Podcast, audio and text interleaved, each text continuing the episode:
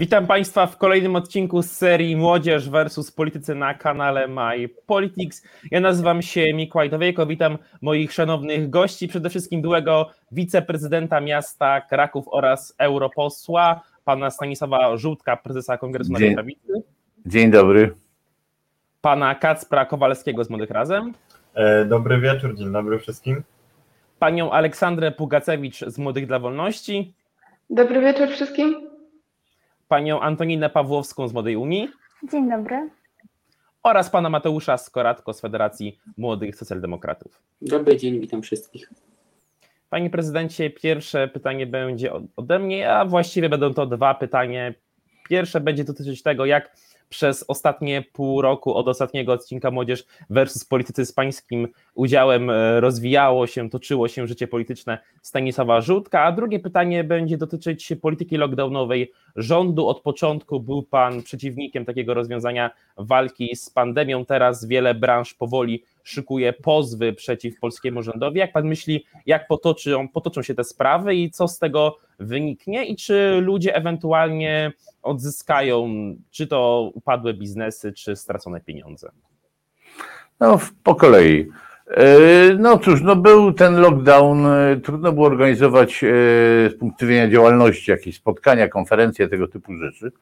Więc siłą rzeczy internetowo uczestniczyłem w takim życiu publicznym.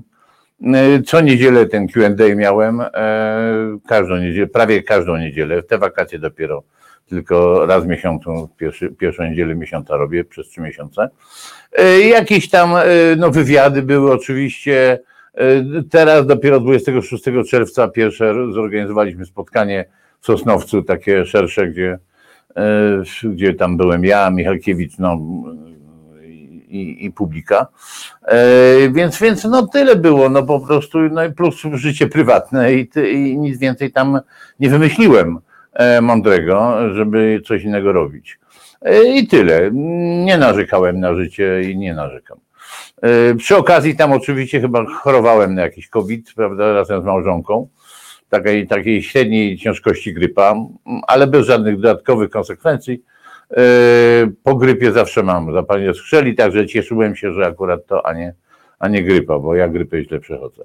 Jeśli chodzi o to, co przedsiębiorcy stracili, bo ja podtrzymuję oczywiście swoją opinię, że to był skandal ten lockdown, który, który był, E, a przede wszystkim forma tego była skandaliczna, e, bo powtórzę jeszcze raz, gdyby został wprowadzony stan klęski żywiołowej, to wszyscy, którzy utracili swoje, swoje czy biznesy, stracili pieniądze, nieruchomości i tak dalej, mieliby prawo do odszkodowania. Ponieważ wbrew prawu nie został wprowadzony stan klęski żywiołowej, tylko takie telewizyjne były te rozporządzenia Rady Ministrów, zaszyfrowane zresztą, ale, ale, ale ten. E, no to oczywiście ludzie nie nabyli z mocy prawa, tego prawa do tych odszkodowań, natomiast rząd dawał po uważaniu, bo to się tak się fajnie i wygodnie rządzi. E, po uważaniu tej grupie, tamtej, no takie trochę trochę swoim, trochę łapówka wyborcza, tego typu rzeczy. Nie? I oczywiście nie w tej ilości, jaka powinna być. E, także to dla mnie było oczywiście przestępstwem, moim zdaniem, w ogóle e, w stosunku do narodu polskiego. E, no i przede wszystkim do tych, co stracili. Czy oni odzyskają to? No cóż, część przedsiębiorstw nie stanie już na nogi, bo padła. No, po prostu jak, jak się straciło spółkę, jak się ją rozwiązało, no to już jej nie ma. Majątek przypadł, e, e, problemy tam oczywiście są z rozliczeniami, e, część restauracji już nie, nie powróci do, do pracy, więc, więc tego się już nie da nadrobić. Natomiast oczywiście będą, będzie sporo pozwów do sądu i mam nadzieję, że wygranych. I sądzę, że raczej wygranych. Natomiast nie będzie, ale to będzie dodatkowy koszt państwa i tych ludzi, E, ogromna strata czasu, latami ciągnące się, e, zablokowanie też e, sądów, inne sprawy będą się wlekły, prawda? Już nie 3 lata, a 7 lat, prawda? Więc na całe lata zablokowanie działalności sądowniczej, pracy tych ludzi oraz kosztów tak samo Skarbu Panie Państwa. No, prezydencie, jeszcze krótkie pytanie w związku z tym zagadnieniem, ponieważ wielu, wiele się mówi w mediach, czy to niektórzy politycy o tym, iż może niektórzy członkowie rządu staną przed Trybunałem Stanu. Czy, czy pan uważa, że ktoś rzeczywiście stanie przed Trybunałem Stanu, a jeżeli tak, to kto? Myślę, że jest szansa na to, że staną przed Trybunałem Stanu, natomiast no cóż, no nie jestem pytią, nie, nie, nie znam przyszłości, e, czy na pewno tak się stanie. Kto? No z pewnością y, y, część Rady Ministrów, która wydawała rozporządzenia zgodnie z prawem.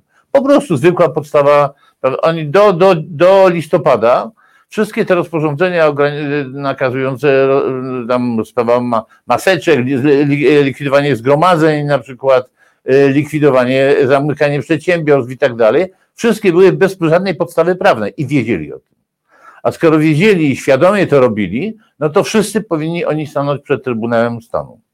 Poza wszelką dyskusją i, i w tej sytuacji, jeżeli ktoś w Radzie Ministrów robi coś ze świadomością, że robi to niezgodnie z prawem, wydaje rozporządzenia, powinien zostać skazany, y, pomijając sprawę więzienia czy tam jakichś innych dolegliwości, to na pewno powinien mieć zakaz pełnienia funkcji publicznych.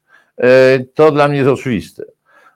I tyle. No, oczywiście można tu wydzielać, czy pan Niedzielski, czy pan e, tam e, Morawiecki, czy bardziej do tego się przyłożyli, czy nie, ale to już powinno być zadanie Trybunału Stanu. Natomiast e, w- jeżeli chodzi o Radę Ministrów, no bo to były rozporządzenia Rady Ministrów, to wszyscy ministrowie, e, którzy w tym brali udział, powinni stanąć przed e, Trybunałem Stanu. Być może niektórzy głosowali przeciwko temu. No zakładam, że to były głosowania. E, Tak zakładam, bo tak naprawdę pewnie nie było żadnych głosowań, tylko, tylko tam posłusznie przychodzili, nie? Ale nie sprzeciwili się. I tyle. Dziękuję bardzo i tym samym przechodzimy do pytań przedstawicieli młodzieży. Jako pierwszy pytanie zada pan Mateusz Skoratko z FMS-u. Bardzo proszę.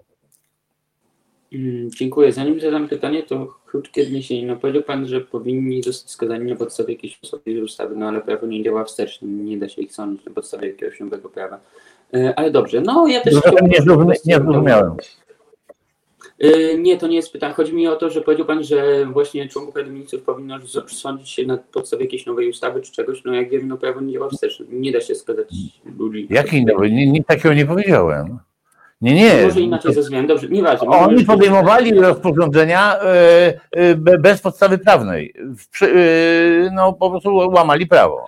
No i tyle. Zresztą potwierdził to Sąd Najwyższy, więc Znaczy, ja, ja tego nie neguję oczywiście, tylko dobrze, możemy już przejść do pytania. To, to, to miała być tylko taka uwaga. E, Ja chciałbym Pana zapytać o politykę lockdownową, mm, a konkretnie o to, co ma nas uchronić przed lockdownem, czyli szczepionki. E, Jakie jest Pana i Pana partii stanowisko dotyczące szczepionek? Dlatego, że no niestety natknąłem się na, na posty właśnie Kongresu i Prawicy, które dosyć mocno denializowały naukę w kwestii szczepień. E, Czy uważa Pan, że szczepionki powinny być dosyć mocno promowane przez państwo, czy może nawet przymusowe? Dlatego, że no, no mówmy się, jeśli nie chcemy mieć lockdownu e, na jesień, jeśli nie chcemy odczuć tych potężnych skutków społecznych, jak i gospodarczych, no to jest jedyne wyjście tak naprawdę. No. Możemy zobaczyć teraz na przykład w Wielkiej Brytanii, w której gdyby nie zaszczepili tak szybko populacji, to straty byłyby znacznie, znacznie większe, mimo tego, że i tak są duże przez ten właśnie wariant Delta. Mm, Natomiast śmiertelność wśród, y, czy w ogóle hospitalizacja wśród osób y, zaszczepionych stanowi jedynie 1%, gdzie 99% to są osoby niezaszczepione. W związku z tym, no tak, chciałbym dopytać się, czy właściwie zapytać się, jak według Pana powinna być prowadzona polityka szczepienna, no i przede wszystkim jak powinna być promowana i jak powinny być zwalczane fake newsy dotyczące szczepień, takie jak krzyży chociażby Grzegorz Braun, czy jeszcze takie no, skrajnej prawicy można by nazwać. Dziękuję. Ja myślę, że ja tutaj mam nieco bardziej stonowane e, poglądy. Ja nie mam nic przeciwko szczepionkom. Wiem, że wiele szczepionek dobrze zrobiło dla ludzkości. E, Nie, nie, nie neguję tego. E, Co do szczepionek przeciwko temu koronawirusowi, ja też wielokrotnie się wypowiadałem, że mm, nie mam tu takiego bardziej wyrazistego zdania. Moim zdaniem być może są e, pozytywne. Nawet planowałem, zastanawiałem się, czy samemu się nie zaszczepić. Ja się nie szczepiłem, prawda? Natomiast e, i jeżeli, jeśli rząd, jeśli e, jacyś tam medycy uważają, że ona jest niezwykle potrzebna i tak dalej, to zgadzam się, można ją promować. Nie mam do tego żadnych zastrzeżeń. Natomiast w sytuacji, gdy próbuje się e, dzielić społeczeństwo na tych lepszych zaszczepionych, a gorszych bez paszportu covidowego niezaszczepionych, to to już jest nie tylko łamanie konstytucji, ale to już jest, zaczyna być e, taka ponura sytuacja, przypominająca mi czasy 30. w Niemczech. E, Tam też zaczęło się dzielić społeczeństwo na gorszych, lepszych. E, e, Musieli być oznaczeni niektórzy, prawda, z, z, ludzi, ludzi niepełnosprawnych e, gdzieś tam się, jeżeli nie likwidowało, to przynajmniej odgradzało Żydów, prawda, musieli jakąś gwiazdę potem za, zacząć nosić i dokładnie tak naprawdę e, zaczyna się podobnie dziać. Co więcej, to powoduje też podział w społeczeństwie, tego typu zachowanie. Jedni drugich nie lubią. Wprowadza się, tak było zresztą wtedy. To historia nam mówi, że takie działania, e, takie przymusowe, a na początku styg- stygmatyzujące, źle się kończą. Po to bardzo źle się kończy. A co więcej, pojawiają się głosy, typu jak tam wicemarszałek Sejmu od PSL-u, tam, że powinny być przymusowe szczepienia. Co to jest? Przymusowe szczepienia, znaczy dorosłą osobę w kaftan się weźmie, przyjdą z bagnetami do domu i, i będą szczepili. E, No ja, ja w takiej sytuacji oczywiście gotów e, jestem użyć broni i bronić się e, do śmierci choćby. I, I ja planowałem się szczepić, znaczy planowałem, no tak myślałem o tym, ale po tego typu akcji i, i o tym gadaniu o przymusowym szczepieniu, oczywiście mi przeszło. E, także no nie, nie, nie zamierzam się w najbliższym czasie szczepić. Nie wiem jak w przyszłości. To jest e, mój stosunek do tego, do tego przymusu i tak dalej, nie? A tak jak powiedziałem, do szczepionek ja nic nie mam. No, niektóre są dobre, czy niektóre złe.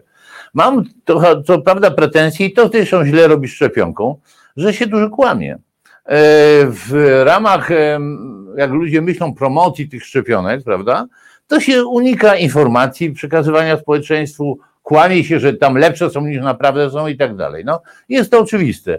Takim fajnym przykładem, bo pan wspomniał o Anglii, prawda, i o tym i tak dalej, jest to, że tam, nie wiem, no dwa tygodnie temu, czy coś takiego, Ministerstwo Zdrowia Anglii podało e, dane związane z tym wariantem Delta. I Anglia jest dość dob dobrym przykładem do takiego statystycznego badania, bo mniej więcej 50% ludzi tam jest w pełni zaszczepionych. Czyli pół na pół, można łatwo zobaczyć i tak dalej. No i co podali po prostu no, zwykłe dane statystyczne, że e, ci, co są zaszczepieni w pełni, y, to no, chorują i zakażają się około 8-9 razy rzadziej od tych, co są niezaszczepieni. No to prawda, no, po prostu działa ta szczepionka z punktu widzenia e, zachorowania. Natomiast podało też drugie dane, że jeżeli już ktoś zachoruje, to wśród zaszczepionych, jeżeli zachorowali, no to jest e, 7 razy większa śmiertelność, prawda? E, niż tych wśród niezaszczepionych. No, wiecie Państwo, no y, powiedzmy, że y, niech będzie 8-9, no, nawet niech będzie 10 razy rzadziej, rzadziej, rzadziej e, chorują ci zaszczepieni, no ale zwiększa się ta, to niebezpieczeństwo. Zwykła informacja po prostu, no bo tam silniejsza odpowiedź immunologiczna, badali to tak samo, na zwierzętach podobno, podobnie to jest. Zostało to podane i natychmiast rzuciła się próba dezawuacji tej informacji. No jak można dezawuować informacji, gdzie podali liczbę e, którzy zachorowali zaszczepieni, podali liczbę tych, co, co są niezaszczepieni, podali liczbę śmierci. prosiłbym powoli o ostatnie zdanie i będziemy mieli jeszcze adwokat. I to, i to tak, tak, no i to wszystko właściwie po prostu złą robotę robi rząd, y, okłamując ludzi. Właściwie powiedziałem wszystko, co, co na ten temat sądzę. Dziękuję bardzo i teraz 30 sekund adwocem dla pana Skoratko, bardzo proszę.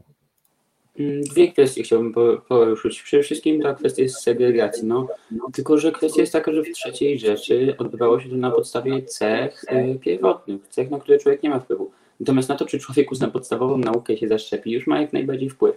E, Poza tym, po co jest, są te paszporty covidowe i tak dalej? To nie jest po to, żeby komuś utrudnić życie, czy żeby kogoś gnębić. To jest po to, żeby chronić osoby szczepione. Po to, żeby osoby szczepione, które po prostu no, no, chcą o siebie zadbać i musiały się bać, że się zarażą chociażby tym wariantem Delta, czy jakimkolwiek innym wariantem COVID-a, dlatego że ktoś ze swojego po prostu nierozsądku się nie zaszczepił. I jakby no, chciałbym sprostować, że to jest właśnie po to, a nie po to, żeby komuś gnębić, czy żeby dzielić społeczeństwo. No ma pan rację, no nie, nie wchodzi się dwa razy do tej samej rze- rzeki. Yy, Na pewno były tam inne różnice są między tymi 30 latami i teraz. Natomiast powiem tylko tyle, no, jeśli szczepionka działa i ludzie uważają, że jest, a moim zdaniem działa, jeśli ona działa i zabezpiecza przed COVID-em, no to jakiego diabła ci ludzie i ma, mają się bać tych niezaszczepionych? To ci niezaszczepieni, jeżeli się boją, to po co brali szczepionkę, skoro nie działa, nie? A skoro działa, no to znaczy, co mają pretensje do tych, co się nie zaszczepili? Co ich to guzik obchodzi, skoro oni są bezpieczni? I tu stawiamy kropkę, przechodząc do kolejnego pytania. Czas na pytanie pani Aleksandry Pogacewicz z Młodych do Wolności. Bardzo proszę. Dobry wieczór jeszcze raz. Nie ukrywam, że bardzo się cieszę, że Pan został zaproszony tutaj drugi raz, bo jeszcze nie mieliśmy okazji ani razu rozmawiać, ani się spotkać. Ale następnie miałam taki lekki problem, o co Pana zapytać. Raz, że mamy dość zbliżone poglądy, ale przede wszystkim dlatego, że aby odwołać się do jakaś, jakiejś Pana takiej konkretniejszej wypowiedzi, trzeba byłoby się cofnąć o rok do kampanii prezydenckiej. Jednak prowadzenie Q&A na Facebooku to nie jest działalność polityczna, i niezbyt jest do czego się w ogóle odnosić. Stąd moje takie pytanie, czy, czy ta polityczna taka cisza to jest taki wypadek przy pracy, jakiś problem z marketingiem, czy celowo pan się jakby odsuwa od polityki, czy znalazł sobie taką niszę, w której próbuje siedzieć i się nie wychylać? No powiem tak, no na czym polega działalność polityczna? No ja osobiście uważam, takie Q&A jest działalnością polityczną. Dzisiejszy program, który jest, oglądają ludzie. E, co w nim mówimy? O poglądach politycznych, światopoglądowych, e, o, o swojej o opinii na temat ekonomii. E, później przyjdą wybory, ludzie pamiętają, co kto mówił, prawda? Na czym polega nawet kampania wyborcza w czasie wyborów? No rozmawia się z ludźmi, opowiada się o swoich poglądach politycznych, światopoglądowych, o, y, o, o swoim stosunku do ekonomii. Ja dokładnie to robię na Q&A, jak na tego typu programy jak dzisiejszy. To jest działalność polityczna.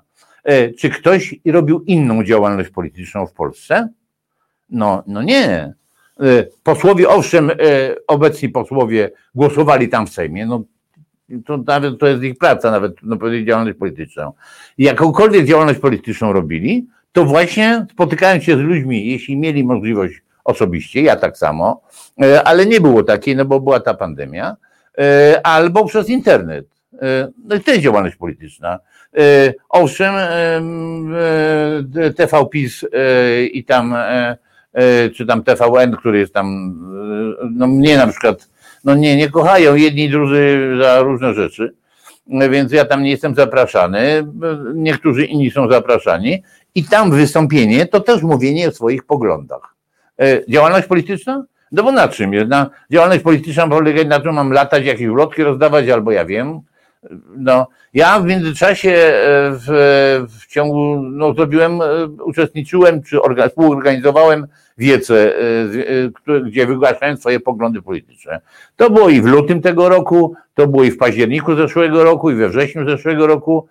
Tego typu wiece w Krakowie na przykład organizowałem, czy współorganizowałem, przepraszam. Występowałem na nich. Jest tam kilka tysięcy osób, dolne kilka tysięcy i przemawiam, mówię, przekonuję do pewnych rzeczy. Działalność polityczna. Czy pani zna inny sposób działalności politycznej? Bo ja nie znam. Dziękuję bardzo i teraz od razu będzie mógł Pan uzyskać odpowiedź, bowiem Pani Aleksandra zgłosiła adwocem. Bardzo proszę. Mi tu chodzi o taką rozpoznawalność e, w takim kontekście, że ja jako osoba, która jest w młodzieżówce, która jest w partii, która mniej więcej działa tutaj w mediach, ja znam Pana poglądy, ja widzę, że Pan prowadzi jakieś programy, szerzy swoje idee, ale zwykły standardowy wyborca, który interesuje się polityką od wyborów do wyborów, nawet nie wie o Pana istnieniu. I chodziło mi o to, czy nie uważa Pan, że nie wykorzystał w pełni tej szansy, którą dała Panu kampania wyborcza, bo jednak zyskał Pan taką rozpoznawalność, głównie po tym Menelowym Plus, ale jednak ona dała trochę większy taki rozdźwięk dla osób, które też nie interesują się polityką na co dzień. Być może nie wykorzystałem tego prawidłowo. Może nie znalazłem, o, jakby pani przyszła i pomogła mi to wykorzystać, ale ja nie umiem. yy, Starałem się jak mogłem, no po prostu. Yy, No i tyle. No być może jestem za, za kiepski w tej sprawie, w, tej, w tym marketingu. No, brakuje mi może ludzi, którzy mi w tym pomogą. No nic nie poradzę na to. No. Tam w tej kampanii, no cóż, no byłem w tej telewizji publicznej, którą każdy oglądał, nie? A teraz, no cóż, ja no mam iść do tego TVPiS albo do tego TVN i tam z pistoletem zróbcie ze mną program, no, bo jak nie, to zastrzelę. No, ja tego nie zrobię, no. Więc staram się jak mogę, no. Może mi to kiepsko wychodzi, no nic nie poradzę, no. Chciałbym, ale nie umiem widać lepiej. Dziękuję bardzo i przechodzimy do kolejnych y, pytań. Teraz czas na pytanie pana Kacpra Kowalskiego z Młodych Razem. Bardzo proszę. E, Pierwsze to chciałbym się również z Panem przywitać i dzień dobry, ale Dzień moje dobry. pytanie jest takie, że podczas kampanii mówił Pan, że programy socjalne są kupowaniem wyborców. W takim razie chciałbym się e, Pana zapytać, czy to, co Pan postuluje, czyli ulgi dla przedsiębiorców oraz obniżenie podatków, e, również nie są kupowaniem e, wyborców, ponieważ jest to praktycznie tak naprawdę ten sam poziom. Oraz jeszcze takie dodatkowe pytanie do tego, czy jakby Pan miał możliwość obniżenia tych podatków, to jakby Pan wtedy załatał dziurę budżetową oraz e, jakie inwestycje musiałby Pan, e, jakie inwestycje by Pan obciął przez to, że wpływy do dochodów, e, wpływy do dochodów budżetu państwa z podatków byłyby niższe? No jest pewna różnica między obniżeniem podatku, a, a tymi socjalnymi programami, które są łapówką. Otóż, żeby tworzyć tego typu pro, programy socjalne, wybiera się pewną grupę, okrada się innych, państwo się robi rodzajem pasera, a im się daje, prawda? Okrada się innych trochę w taki sposób, żeby tego nie widzieli, to w podatkach, tego, że to może to, że te pieniądze, że rząd ma te pieniądze skądś tam od Pana Boga i daje komuś, prawda? Żeby, żeby ci okrada- okradani tego nie widzieli i kupuje się tą grupę wyborców, prawda? I na tym to polega. Natomiast w podatkach, jak się obniża podatki, nikogo się nie okrada.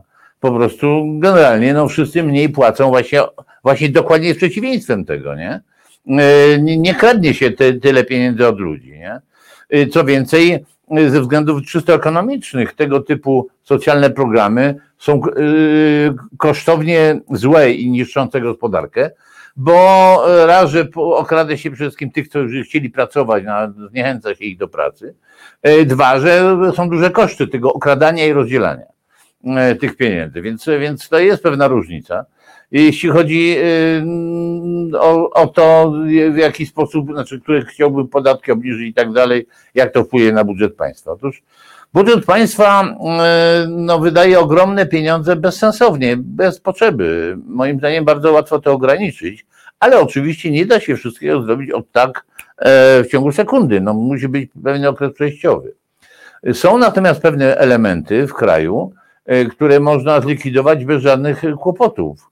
Takim elementem jest podatek e, PIT. Mówię o ważnych podatkach, nie drobiazgach jakichś tam. E, Podatek od, od e, PIT oraz taki moralnie naganny podatek od spadku e, przy okazji darowizn. Otóż PIT, e, proszę zwrócić uwagę, 60% e, podatku e, tego, tego PIT, ja, CIT jest już osobną sprawą, e, tego dochodowego, 60% państwo płaci e, w pensjach ten podatek nauczycielom, żołnierzom, służbie zdrowia, urzędnikom, to jest 60%. E, I potem odbiera ten podatek, ten sam, który wpłaciło.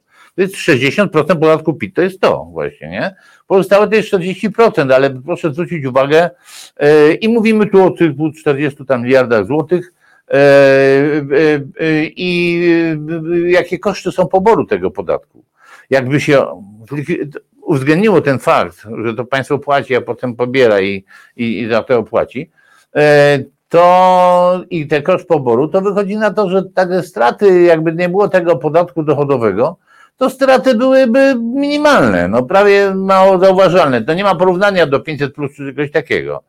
To by tam strata była kilkudziesięciu miliardów złotych tego typu rocznie, jakby to się e, uwzględniło, nie? Także jak widać, ten podatek nie służy do tego, żeby były dochody budżetu państwa, bo jest kosztowny, kłopotliwy. E, no i proszę zobaczyć, co by się stało. No nie ma ile spraw sądowych odpada, ile prokuratur, ile urzędów skarbowych i tak dalej. No to wszystko nagle znika, nie? Niepotrzebnie e, musi pracować. Ten podatek służy do inwigilacji ludzi. To, to jest główna przyczyna powodu, e, powód e, istnienia tego podatku. Inwigilacja ludzi. Natomiast dochodowy podatek dla firm jest jeszcze, go, znaczy nie gorszy to może nie jest, ale jest, proszę zwrócić uwagę, co się dzieje z punktu widzenia gospodarki polskiej. Wszystkie firmy zachodnie, albo z sieci, no Tesco, tego typu, no podatku CIT praktycznie nie płacą. Dlaczego? No mają siedzibę za granicą. E, oni mimo, że tutaj pracują, to know-how kupią e, e, od centrali no i zlikwidują w kosztach, wszystko wrzucą, w związku z czym te firmy zachodnie nie płacą CIT-u, a polskie płacą. I to jest nieuczciwa konkurencja. No bo taki sklepikarz no, ma, musi dodatkowo podatek zapłacić, a, a tamten nie. No to siłą rzeczy przegrywa. I tutaj gada się jakiś narodowym, to, to, to, ta nazwa narodowy to ten PiS to już miód po prostu, że się niedobrze robi, jak się to słyszy. Wszystko jest narodowe, prawda, i tak dalej. I to się okazuje. I nagle okazuje się, że on niszczy e, gospodarkę narodową właśnie, polską, e, kosztem tamtych, przez to, że jest CIT. No. E, a pobór jego właśnie te wszystkie główne sieci praktycznie nie dają, z niego nie ma już prawie żadnego wpływu. Więc można zlikwidować niektóre podatki od razu, tak, za jednym zamachem i już. Taki przykładowo podatek VAT. Póki jesteśmy w Unii Europejskiej, czego żałuję, e, nie może być niższy niż 15%. No ale dzisiejszy podatek VAT, jego pobór jest taki, że praktycznie każdy, kto przedsiębiorca jest przestępcą. Każdy jest przestępcą bo nie, no, do urzędu skarbowego mogę zgłosić, panie, no, urząd, panie urzędzie skarbowy, jaki mam podatek zapłacić? 23%, 8%, 0%, bo tam różne składniki są. Oni powiedzą, że albo pan nie odpowiemy, ale możemy odpowiedzieć, ale potem pan pójdzie do więzienia, bo my zmienimy zdanie. No i tyle, nie? Nikt nie wie, jak jest. Po prostu jest w tej chwili kompletne szaleństwo, jeżeli chodzi o to, tego podatku się nie da już wyprostować, nic się tam, żadnych poprawek, tam są tysiące tych, e, dziesiątki, setki tysięcy orzeczeń e, sądowych w tej sprawie. Po prostu trzeba go uciąć, zrobić, że na razie postawimy 15% koniec i wszystko już. Jeszcze na pewno będzie można poruszyć temat podatków w trakcie dziś, dzisiejszego programu. I ostatnie pytanie pierwszej tury pytań od pani Antoniny Pawłowskiej z Młodej Unii. Bardzo proszę. Tak, dziękuję za udzielenie mi głosu. Mm, panie pośle, panie prezydencie, e, tajemnicą Poliszynela jest e, fakt, że jest pan zwolennikiem opuszczenia przez Polskę Unii Europejskiej. Zresztą powiedział to pan nawet chwilę temu. I ja uważam, że warto mimo wszystko podkreślić, że Unia daje nam więcej wolności, więcej, no, liberal, jest bardziej liberalna poniekąd niż współczesna Polska. Gwarantuje nam ona pokój, umacnia na jakąś naszą pozycję na arenie międzynarodowej, no i gwarantuje te cztery swobody jednolitego rynku. E, a także dzięki swojemu sądownictwu dba o naszych obywateli. E, więc moje pytanie brzmi, czy zamiast opuszczać Unię nie lepiej byłoby skupić się na reformowaniu jej tak, aby była bardziej liberalna? E, podobnie jak na przykład nie wyjeżdżamy z Polski pomimo sytuacji w kraju, a staramy się ją zmieniać. Dziękuję za. Dziękuję. Tak, ma Pani rację. Ja jak szedłem do Unii Europejskiej w 2014 roku, też miałem taką nadzieję na tego typu zmianę. Bo chciałem zwrócić uwagę, że jak byłem w Unii Polityki Realnej, bo to jest moja jakby no, Kongres Nowej Prawicy, kontynuacja tamtej partii.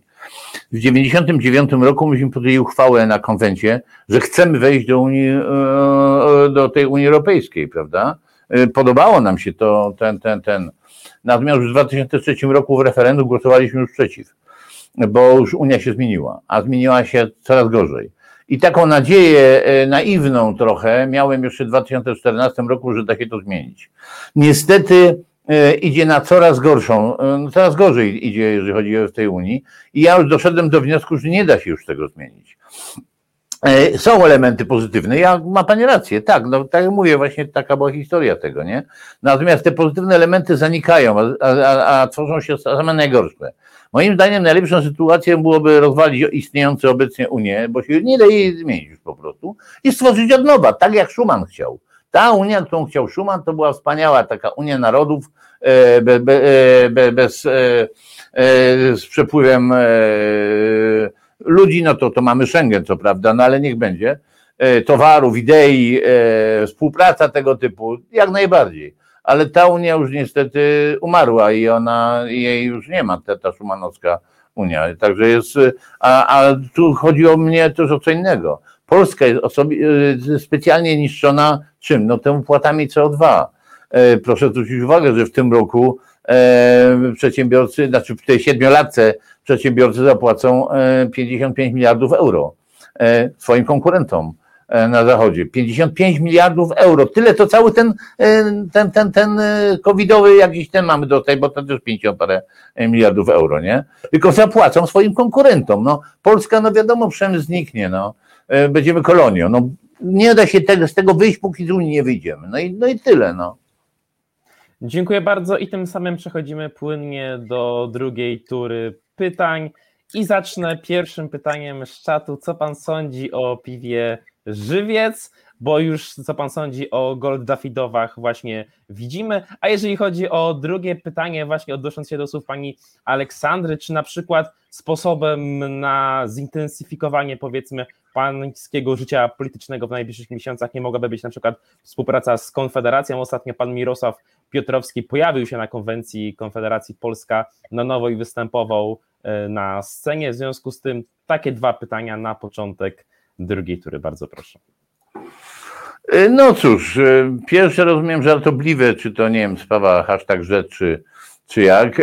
Ja osobiście całe życie wolałem okocim odżywca i tyle. Piłem żywiec dlatego, że, że inni dookoła mnie pili, ja jak małpa go piłem po prostu, ale potem doszedłem do wniosku, że mam być wolny i nie, nie ten. Ja, ja wolę kwaskowate piwa, no i tyle.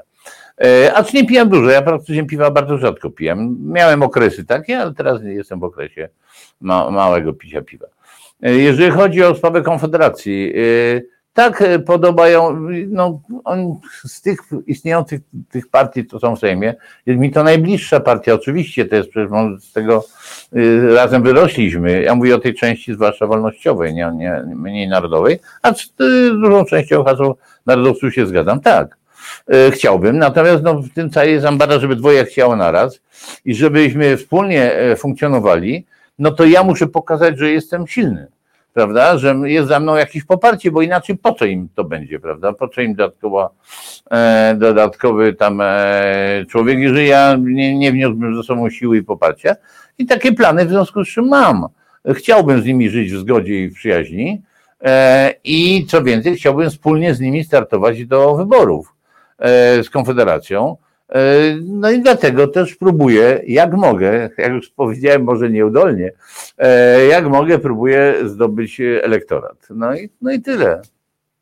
Dziękuję bardzo. I drugą turę pytań zaczniemy od, pytani, od pytania pani Aleksandry Pugacewicz z Młodych dla Wolności. Bardzo proszę.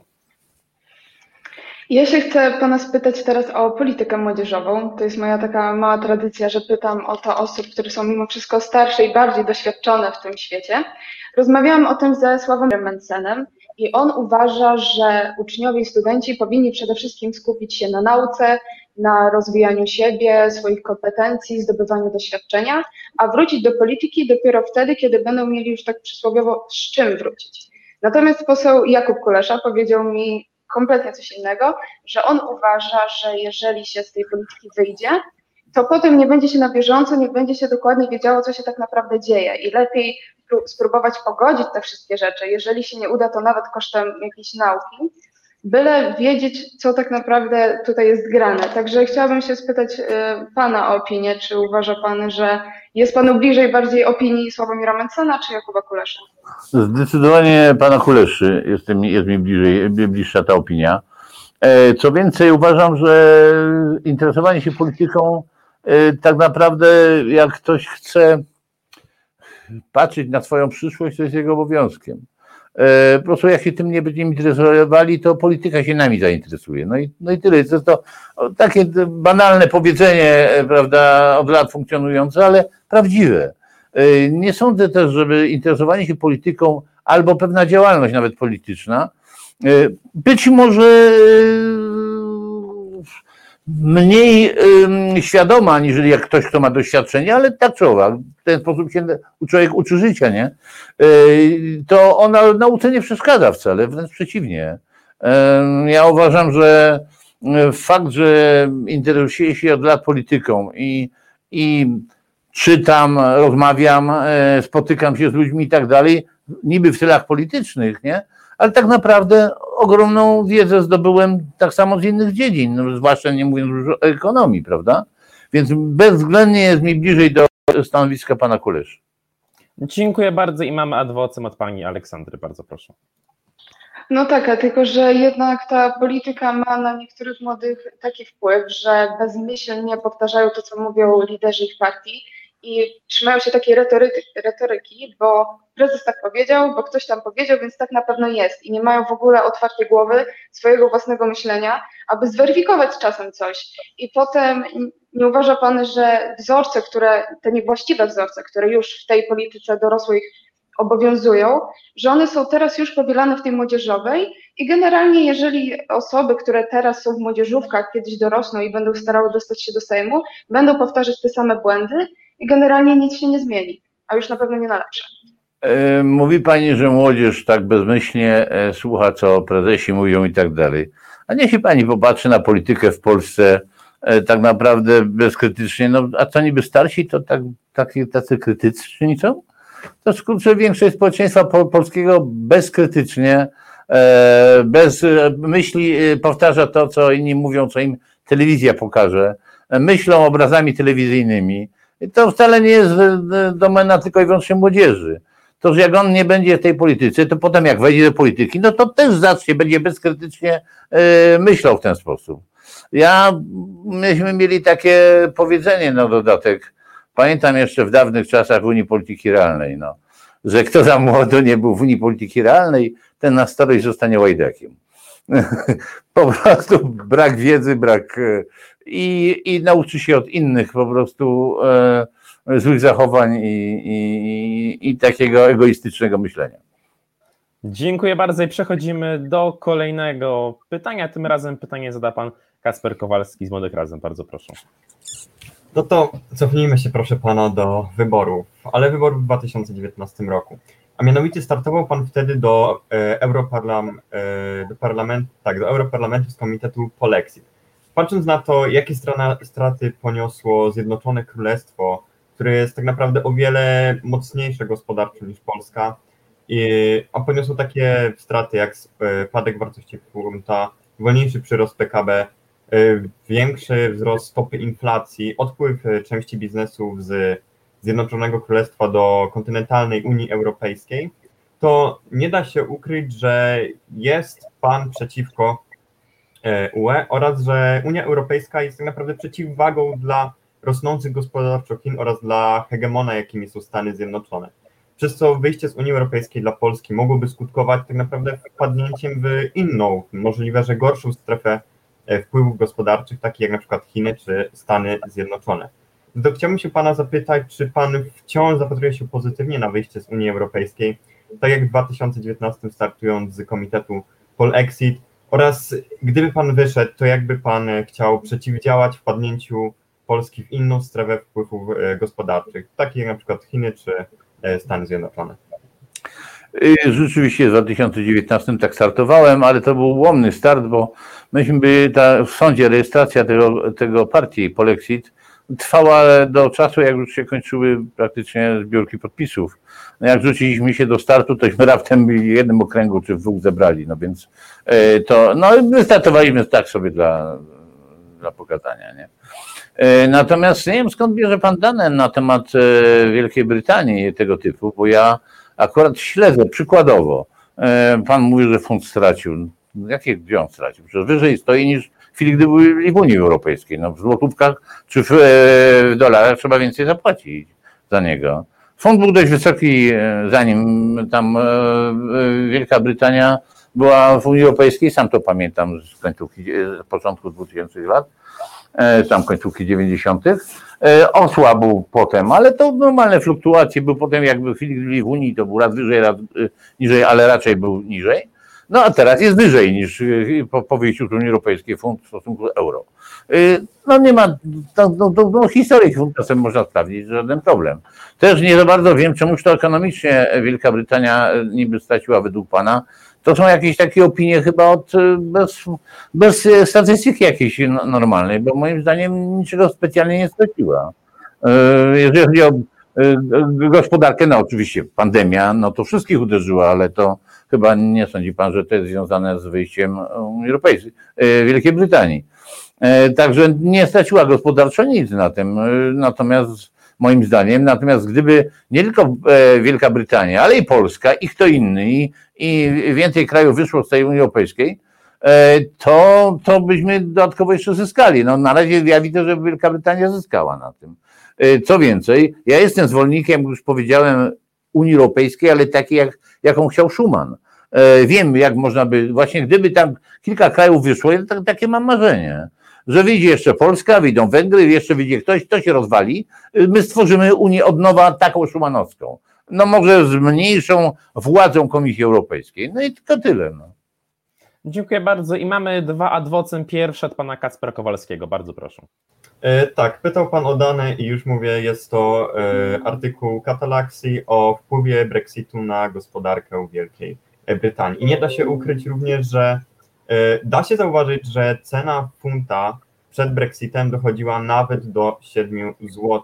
Aktualnie jest to, no patrzyłem sobie wcześniej tak dwie godziny przed programem i było to około 5,30, więc e, Brexit naprawdę odbił się bardzo na e, kursie funta oraz na gospodarczym. Nie, no, przykro mi to, w takim razie mamy inne dane statystyczne co do ceny funta, bo bo no, żaden problem wejść sobie na Onet, kliknąć tam na, na, na cenę funta i te 7 zł, no nie wiem, wie pan, jakaś fluktuacja jednodniowa związana tam na przykład z głosowaniem w parlamencie albo gdzieś mogła wyskoczyć, ale mówię takie no średnio miesięczne czy kwartalne wielkości funta, no to nie to fund w tej chwili jest lepiej stoi, nie, nie gorzej stoi niż wtedy. No. Przepraszam, na, na dyskusję, ale pan Mateusz Skaratko właśnie podesłał nam na naszym prywatnym e, czacie statystykę, jeżeli chodzi o kurs funta brytyjskiego. Ostatni raz funt brytyjski sięgnął prawie 7 zł w roku 2003, więc 13 lat przed M- Brexitem. Mówię właśnie, powiedziałem to, że był tym, przed, przed... Tym, chciałbym tylko uściślić to,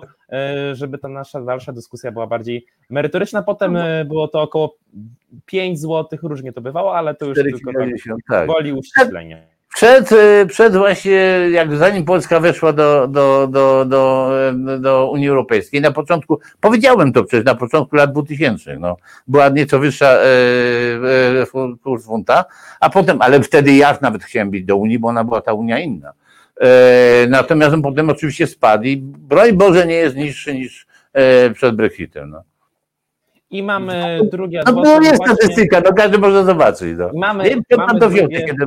mamy drugie adwocem właśnie od pana Mateusza Skoratki. Bardzo proszę.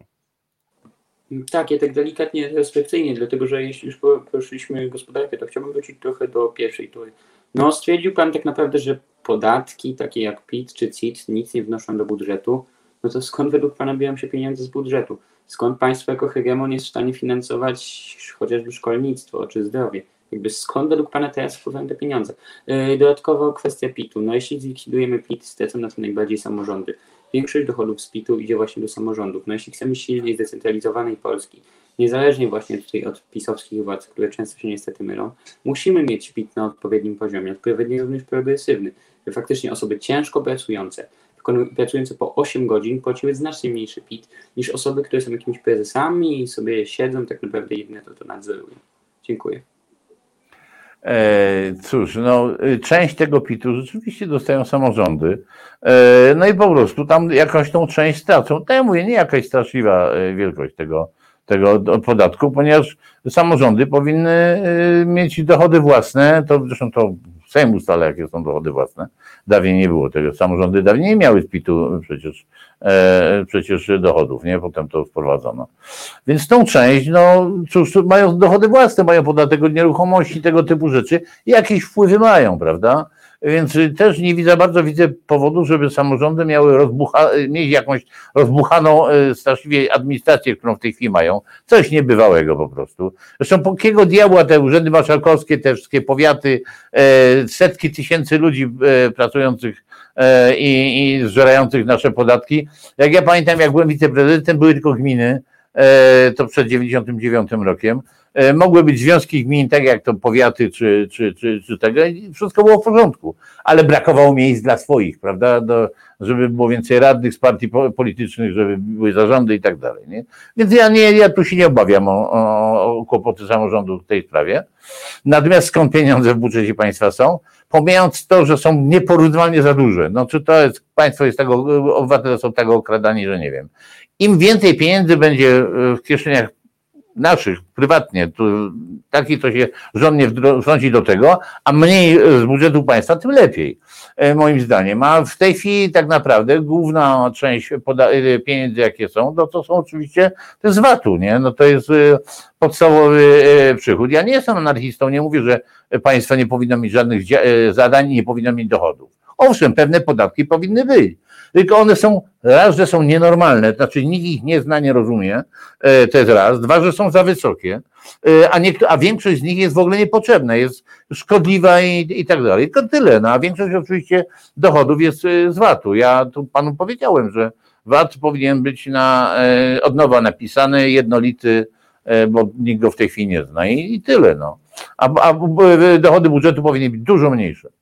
Dziękuję bardzo. I jako kolejne pytanie zada pani Antonina Pawłowska z Młody Unii. Bardzo proszę. E, dziękuję. E, panie pośle, chciałabym zapytać e, się pana, co sądzi pan o obecnym wyglądzie Konfederacji mm, i czy nie uważa pan, że partia Korwina została niejako wchłonięta przez narodowców i że w tej Konfederacji właściwie nie ma już tyle mowy o wolności, bo została ona poniekąd tym nacjonalizmem zagłuszona ponieważ no mimo wszystko przeciętnemu wyborcy w tym momencie Konfederacja właśnie z nim się kojarzy, z tym nacjonalizmem, a nie z wolnością. Dziękuję. Z przykrością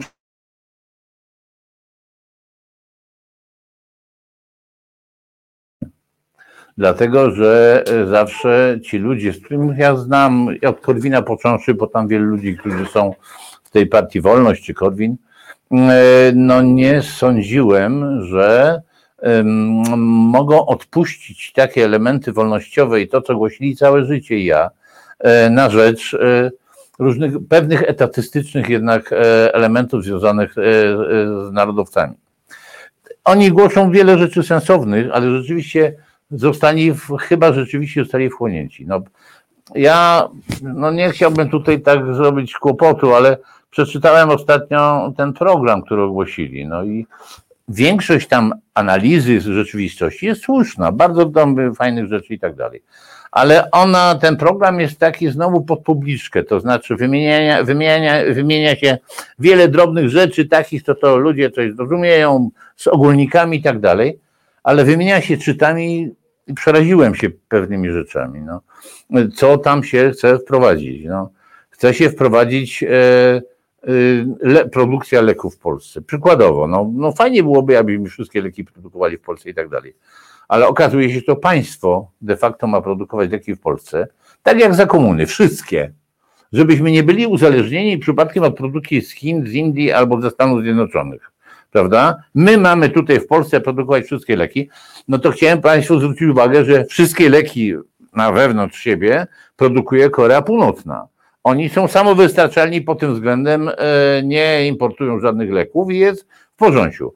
W PRL-u jak byliśmy, no to też państwo działało wspaniale i produkowaliśmy leki. Oczywiście Oczywiście, no moglibyśmy zacząć e, tego żeńszenia chodu tutaj tego i e, produkować i, i, i, i jakieś tam genetyczne, super zaawansowane rzeczy.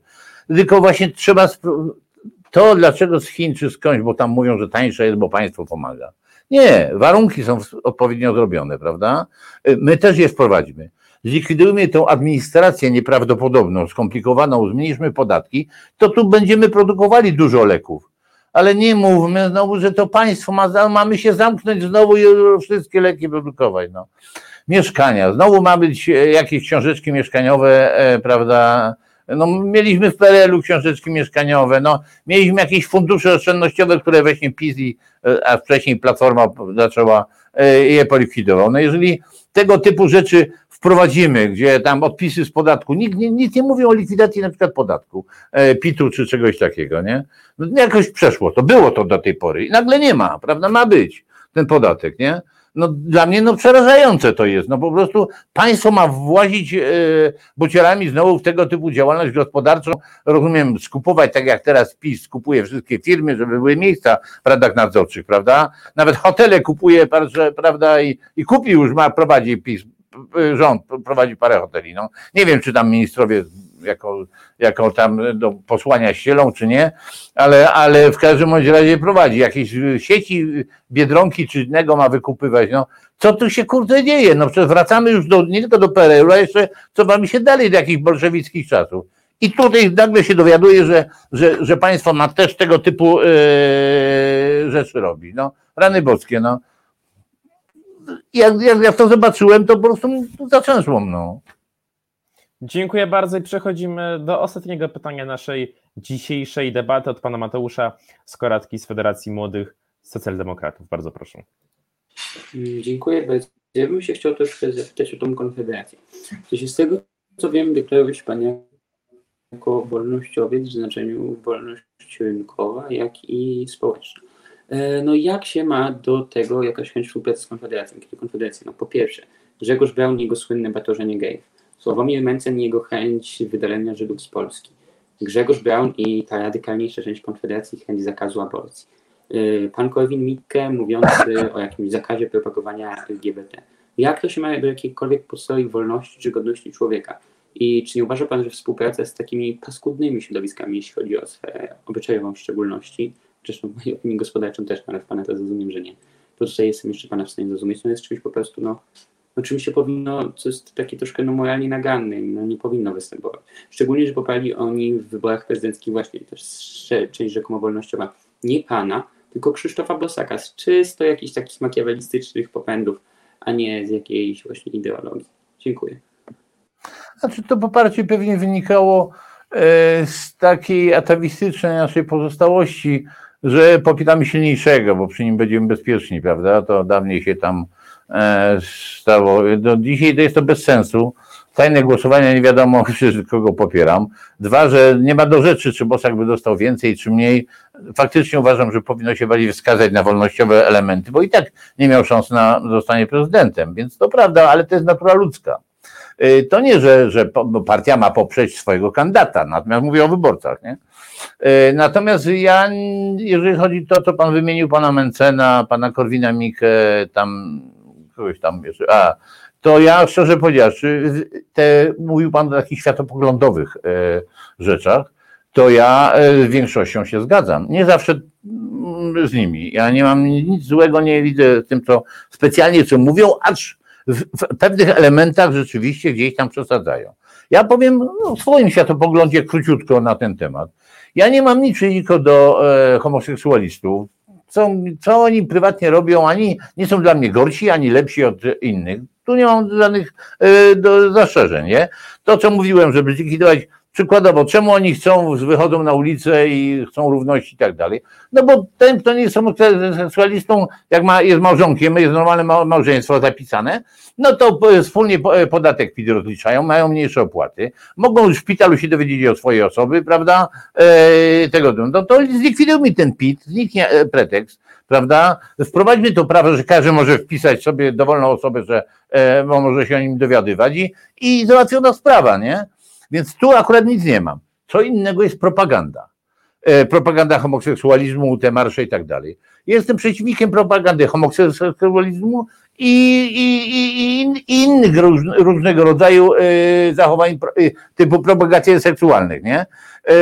Ja też jakby wyszli tam ci, co to uważają, że homoseksualizm jest zły, a może być tylko kobieta i mężczyzna i tak dalej, i szli w pochodzi i propagowali to, też bym zakazał tego typu propagacji e, rzeczy. Chodzi o propagowanie, e, e, taka propaganda de facto, nie?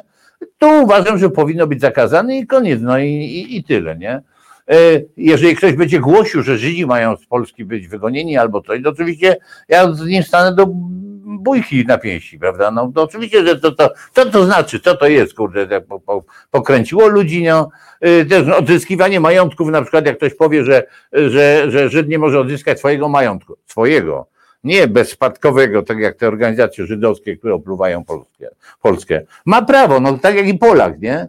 Tak jak ta ostatnia ustawa idiotyczna, która de facto Polakom zabrania odzyskać ukradzionego majątku. Nie Żydom, bo Żydzi, jeżeli tam spadkowe, to już odebrali, a, ona, a ta ustawa akurat o bezspadkowym nic nie mówi. Nie?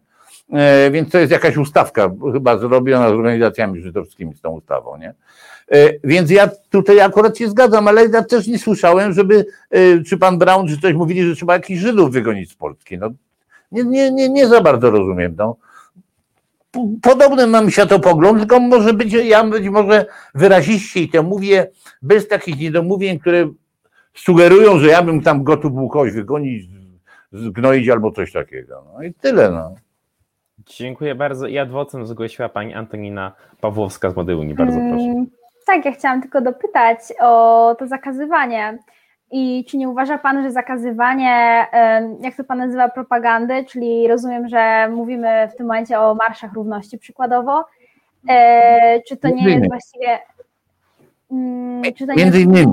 Między, tak, e, ale czy zakazywanie marszów równości, które właściwie nie jakby nie, nie robią nikomu krzywdy tak naprawdę, bo to jakby nie, nie głoszą niczego, e, co naruszałoby wolność pozostałych.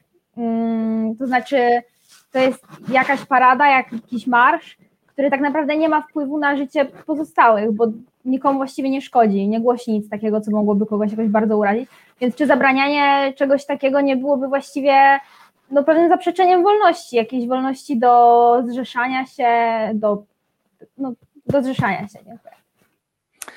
No, można by pójść tym tropem, ale ja powiem tak, ja, moje wolnościowe przekonania wynikają z tej zasady głównej, że moja pięść ma mieć nieograniczoną wolność, ale jedynym ograniczeniem wolności tej pięści jest bliskość tego nosa. Nie można komuś zrobić y, krzywdy, prawda? A tak to nie wolno mi zakazać zrobienia czegokolwiek, jak innym ludziom krzywdy nie robię. Czy nie robią tego typu marsze krzywdy, albo Otóż nie, jednak jest. Czy zgodziłaby się Pani na przykład, żeby e, na ulicy e, pokazywano na billboardach spółkowanie na przykład dwóch, kobiety i mężczyzny powiedzmy, nie? E, takie pornosy ginekologiczne i tak dalej. I żeby moje dzieci, ma 7 lat, idzie i to ogląda, bo musi oglądać, bo nie da rady, żeby nie oglądało. No nie. Oczywiście to jest przesada. Pewien, ja przecież nie mówię, że tam jest w ten sposób, nie? Ale idąc od zera do pewnej wielkości, no widzimy, że tego typu marsze dają pewien element. No, moje dziecko idzie na przykład i to ogląda i nie chce. Albo ja nie chcę oglądać tego typu y, zachowań, nie? E, takich, e, takich no, no, no idących w kierunku czasem pornosów, prawda? Jeśli tak, to, a zwłaszcza mówię o tych dzieciach, nie? No to powinno się zakazać tego typu działań, żeby jak tak, jakiego plakatu nie można zrobić, jak nie można zrobić e, takiego filmu i billboardu, prawda? E, no to równie dobrze albo publicznie e, spółkować na, na chodniku, no to również w mniejszym skali, ale można zakazać tamtego, prawda? No po prostu gdzieś musi być umiar. Nie ma, nie jesteśmy, nie żyjemy w raju, nie, nie mamy twardej granicy, co jest dobre, co złe, ale pewien umiar powinien być zachowany. No, tradycja jakaś też u nas w narodzie istnieje i powinniśmy szanować i prawo dostosowywać do tradycji. Mm, tak, mi chodziło o to, że Pan mówi o plakatach ginekologiczno-pornograficznych. Na to jakby. Chodzi. Tak, tak, tylko chodzi mi o to, że to jakby nie jest powiązane z ideą Marszu Równości. To znaczy zakazywanie Marszu Równości, nie łączyłabym tego z zakazywaniem um, pokazywania pewnych treści, ponieważ na to jest, o ile się nie mylę, po prostu osobny paragraf, osobny artykuł. I to jest y, no po prostu jakiś zakaz pornografii w miejscach publicznych. Nie, nie jestem specjalistką te, w tych tematach. Y, natomiast to nie jest definicja całego Marszu Równości. No. To jest flaga z tęczą, tęczowa flaga. Definicja nie. pornografii, no to jest, wie pani, to jest dość płynna rzecz, nie znam jej, nie zna jej nikt. Ale flaga tęczowa raczej nią nie jest. No flaga tęczowa nie, ale to też, wie pani, jak ktoś idzie z flagą tęczową ulicą, no to ja nie, ja nie mówię, żeby nie mógł iść z flagą tęczową. Bo jak moje dziecko zobaczy flagę tęczową, to mu się nic nie stanie, ani, ani ja nie będę widział tam e, niczego strasznego, to sobie może iść. Ale to jest co innego, zablokowanie ruchu ulicznego, e, proszę pani, to też jest pewien kłopot, prawda? E, co, i, jakiś półnadzy ludzie skaczący i tak dalej i krzyczący pewnego rodzaju hasła. Hasła dotyczące seksu. Seks jest pewnym tabu w społeczeństwie każdym, e, w różnych jest na różnym poziomie, w naszym jest na pewnym poziomie. I krzyczenie, mówienie o tym seksie, prawda, i demonstrowanie tego, e, no moim zdaniem jest przekroczenie pewnej tradycji i umiaru. No i tyle. Ale To samo z, z heteroseksualistami. Też nie powinni ich krzyczeć, spółkujmy z kobietami, mężczyznami, nikt inny nie powinien inaczej. No. Jeszcze jedno zdanie, jeszcze jedno zdanie od pana Mateusza Skoratki, bardzo proszę. Mm, Tak, ja bym się chciał zapytać, czy w związku z tym jest Pan w ogóle za zakazem demonstracji, bo de facto każda demonstracja w jakiś sposób zakazuje ruchu drogowego. Jeśli tak, to jak to się ma do jakiejkolwiek wolności? Znaczy, uczciwie powiedziawszy, ja nie podoba mi się to, że przykładowo warszawiacy w Warszawie, nie? Co chwilę idzie jakaś demonstracja, wystarczy zgłosić i ulica jest zamknięta, ludzie nie mogą dojechać do pracy, e, większość ludzi, prawda? I to tak, proszę, proszę zwrócić uwagę, jak to się rozpowszechni, to te ulice wszystkie będą zamknięte na zawsze. No bo to, to, to, organizacji może być tysiąc, czyli wyłączymy część Warszawy. To powinno się nieco zmienić, nie? Choćby w formie Hyde Parku takiego jak e, w, Londynie, prawda, żeby nie sobie tam demonstrują, nie? Natomiast y, y, pewne wiece, no bo ta, te są mniej, mniej ograniczają i tak dalej, do, do jednak powinno być, y, gromadzenia powinny, nie mogą być zakazane. Y, To prawda, jeżeli rzeczywiście przekroczą pewną wielkość, no, no to trudno, to trzeba przecierpieć, że, że idą, bo ludzie chcą, ludzie chcą wypowiedzieć swoją opinię. Ale chcą wypowiedzieć swoją opinię na temat tego, co rząd z nami robi, czy zabier- krad- okrada nas, czy nie, czy na przykład e, tego, typu, tego typu rzeczy. Natomiast te marsze równości, które były, jak tu się zgadzam pod, z ciężkim sercem, bo to blokuje, blokuje te miasta i tak, ale zgadzam się, że no nie możemy tego zakazać, bo y, wpadniemy w kraj, który, który może być całkowicie policyjny, nie? Y, Natomiast te wiece są in, inne jednak, proszę zwrócić uwagę, niż tego typu demonstracje. Ludzie, którzy idą spokojnie, którzy mówią, co chcą, y, czy przeciwko czemu protestują, albo za czym są, prawda? Jest czym innym niż hałaśliwa demonstracja półnagich ludzi, którzy, bo to mówię, wracam do tradycji, nie? Którzy po prostu, gdyby moje dziecko to zobaczyło, y, no to ja czułbym się źle. Czyli oni mnie uszkodzili. Jak moje dziecko zobaczy demonstrację, która idzie i coś tam gada, coś tam czegoś żąda, coś, coś tam postuluje, no to nie będzie e, to dziecko e, tak bardzo urażone i nic mu się złego I- nie stanie. Tu postawimy kropkę w naszej dzisiejszej debacie. Bardzo dziękuję naszym widzom za obecność. To jest dopiero początek wakacji z My Politics. Szykujemy jeszcze więcej odcinków dla Was i dziękuję moim gościom, którymi dzisiaj byli pan Stanisław Żółtek, Dziękuję bardzo, do widzenia. pani Aleksandra Pugacewicz, pani Antonina Pawłowska, Dziękuję bardzo. pan Mateusz Skoratko, Dziękuję bardzo. Ja chciałem dodać jeszcze, że ja pół nagi na placie równości nie chodzę i moi znajomi też nie na.